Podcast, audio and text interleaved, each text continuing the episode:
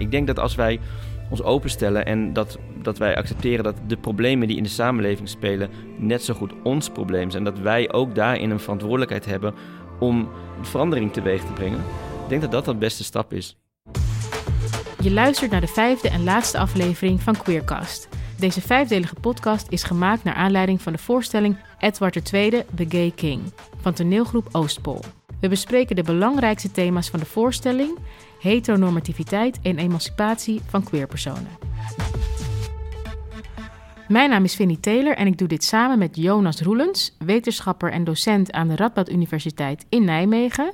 En hij doet onderzoek naar de geschiedenis van queerness.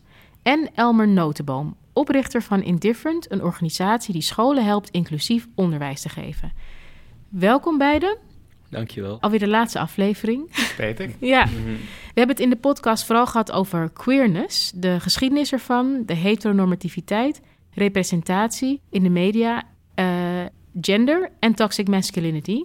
En in deze laatste aflevering kijk ik met jullie naar de toekomst. Maar voor we verder gaan met de emancipatie van de toekomst, we hebben het in de podcast gehad over de queergemeenschap. En het lijkt wel alsof het een, een, een homogene groep is. Maar de queergemeenschap bestaat natuurlijk ook uit allemaal verschillende mensen.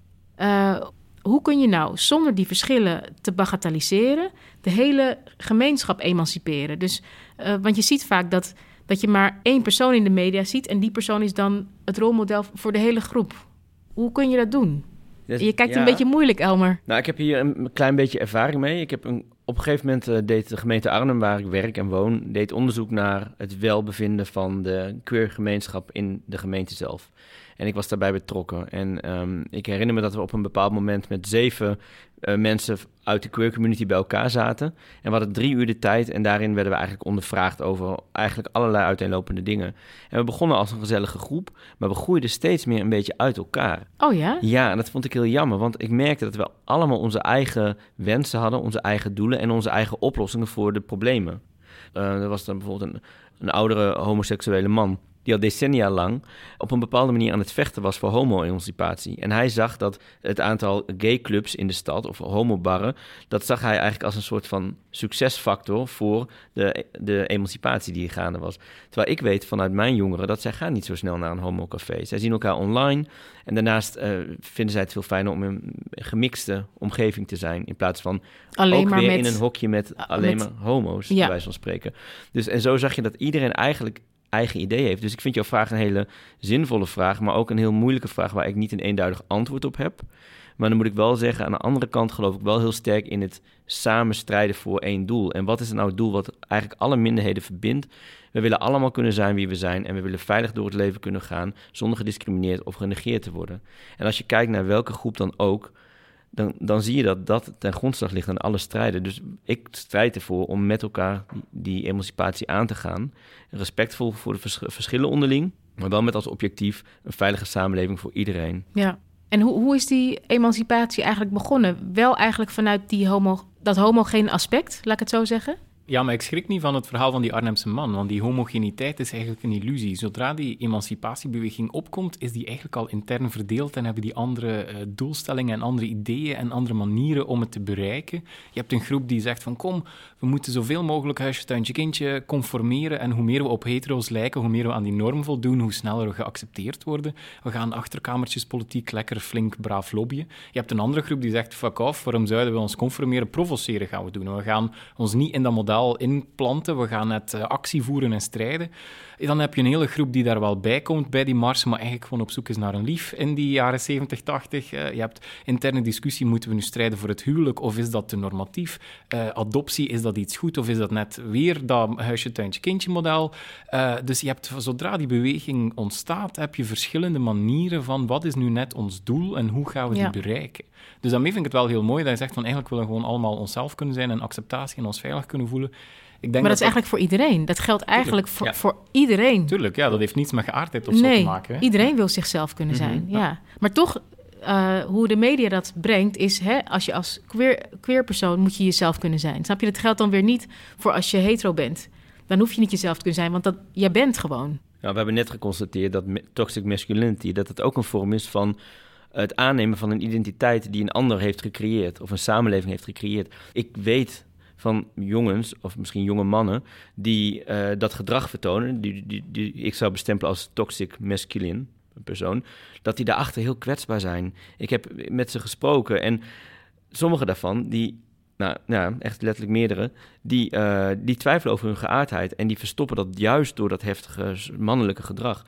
Dus, dus ik geloof niet dat er mensen rondlopen die, die helemaal vrij zijn van, van wat voor een probleem dan ook. Ik denk dat iedereen baat bij heeft om een wereld te hebben waar je zelf kan zijn. Maar ik kan me zo voorstellen dat als jij zegt tegen uh, mensen, nou, we gaan voor emancipatie van eigenlijk, de, eigenlijk moet je de mens emanciperen. Hè? Je moet mhm. zorgen dat iedereen kan zijn zoals hij is.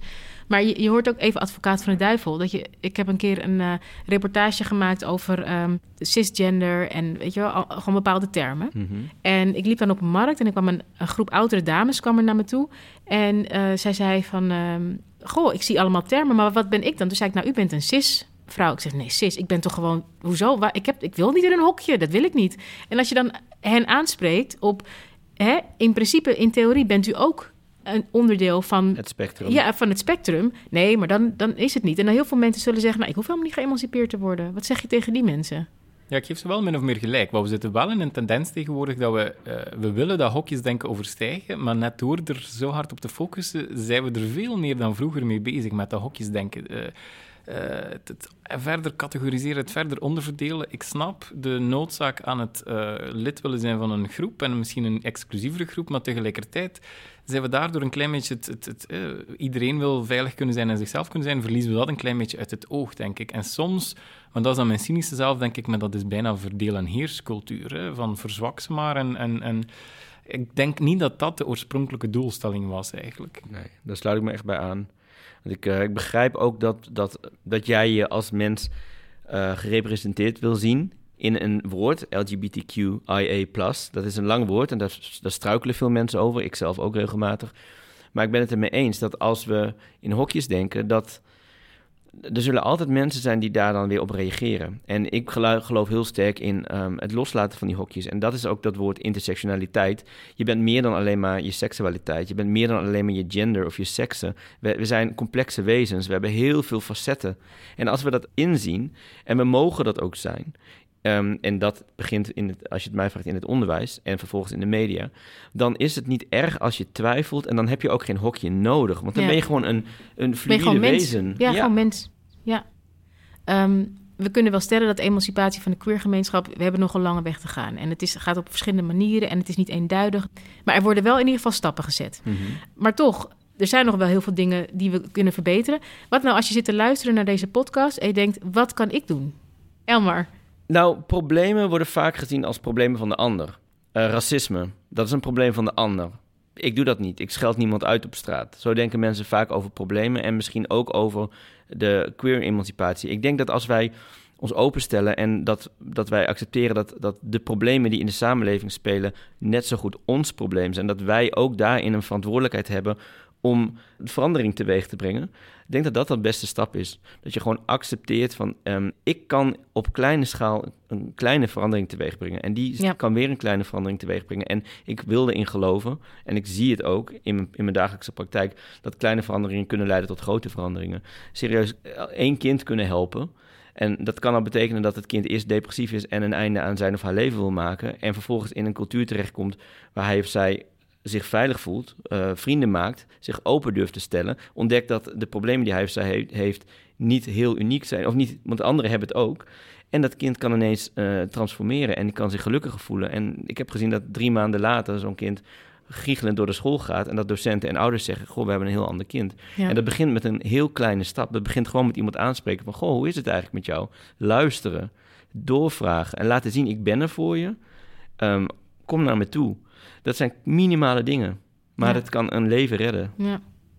En Jonas, wat denk jij dat de luisteraar kan doen, concreet, om te zorgen dat we over twintig jaar lachen om de vooroordelen die we nu hebben? Ben natuurlijk historicus, dus ja, die, die, voelen zich veilig in het verleden als ja. het over vandaag ja, maar, maar um, uit je comfortzone, uit je comfortzone. Ja, dat is belangrijk. Dat is belangrijk. uh, als ik studenten een mop uit de middeleeuwen laat voorlezen en ze moeten daar niet om lachen, dan zeg ik ja, maar dat is omdat onze normen en onze waarden helemaal veranderd zijn. Dat vinden wij niet grappig. Het is gewoon je daarvan bewust zijn, van hoe fluïde onze normen en waarden zijn. Wat wij denken dat de waarheid is, is niet in steen gebeiteld, is niet nu het eindpunt in onze evolutie. Je daar elke dag een klein beetje van bewust zijn dat dit ook maar iets tijdig is, iets, iets uh, fluïde cultureel. Dat zorgt ervoor dat je je eigen kader veel makkelijker overstijgt. En dat je eigenlijk veel beter uit die eigen waarheid komt. En dat is iets wat in onze samenleving heel hard nodig is, want door Twitter en social media en algoritmes zijn we ons veel meer aan het opsluiten in die eigen waarheid. En kijken we niet meer kritisch genoeg naar, ja, maar hoe komt het eigenlijk dat wij denken wat we denken en hoe worden we daardoor gevoed en gestuurd? En dat proberen actief overstijgen. Door je te voeden met verschillende invalshoeken, is iets wat in onze maatschappij echt weer relevant en echt weer nodig is. Vind ik. Ja. Ja, en als ik nog een kleine tip mag toevoegen. Zeker. Um, in mijn generatie, toen, toen ik jong was, werd echt gezegd: uh, je mag een mening hebben en je hebt uh, recht van meningsuiting, dus gebruik dat ook. Ik ben daar helemaal voor. Maar dat is geen vrijbrief voor iedereen om overal maar een mening over te hebben en die ook meteen te scanderen door de straten. Ik denk dat er heel veel dingen zijn waar wij nog helemaal niet zoveel van weten. En dan is een mening ook helemaal niet relevant. En daarom, ik, ik, hè, ik heb een achtergrond in de kunst en ik vind het mooie aan kunst uh, dat je als je een schilderij ziet, ben je misschien geneigd om eerst te denken van lelijk of mooi. Maar je kunt daar heel veel vragen over stellen. Je kunt kijken wanneer is het gemaakt? Wie heeft het gemaakt? Uh, wat heeft hij of zij ermee bedoeld? Uh, hè? En wat voor materiaal is er gebruikt? En als je gaat onderzoeken naar wat er eigenlijk bedoeld is met dat schilderij, dan kom je achter zoveel meer. En dan is die uiteindelijke mening, die kun je helemaal aan het eind nog wel geven, eventueel. Maar die is niet meer zo belangrijk. Nee. Je hebt er wat van geleerd, je hebt gekeken naar iets. En ik denk als wij op die manier ook naar de wereld kijken en naar mensen, niet veroordelen, maar gewoon vragen stellen en openstaan en geen mening meteen hebben, ik denk dat dat echt wel verbetering kan teweegbrengen. En dan kun je op het einde van de rit nog altijd van mening verschillen, zonder dat dat dan meteen een waardeoordeel over elkaar uitspreekt. Want dat gebeurt, vind ik, ook te veel vandaag. Je bent het over een heel specifiek onderwerp niet 100% eens. En dan wordt dan precies van, ja, maar dan kunnen wij niet door één deur, no matter what. En ja, ik denk, het leven is veel complexer en veel genuanceerder dan, dan dat. Ja. Nou, mooi. Mhm. Mooi als afsluiter, ja. Ik zou nog één tip, mijn tip aan de mensen die uh, luisteren. Mocht je de voorstelling King Edward II, The Gay King, nog niet hebben gezien, dan zou ik nu uh, naar online gaan en een kaartje reserveren of een kaartje bestellen. Tip, Want dat lijkt me een goede tip om uh, met een open vizier kijken naar de voorstelling. Super. Je luisterde naar de laatste aflevering van Queercast. Een podcast naar aanleiding van de voorstelling Edward II, The Gay King. Mocht je de voorstelling nog niet hebben gezien, zoals ik net al zei, dan is dit je reminder om nu een kaartje te reserveren. Wil je meer informatie over de voorstelling of over Elmer of Jonas? Ga dan naar www.toneelgroepoostpol.nl.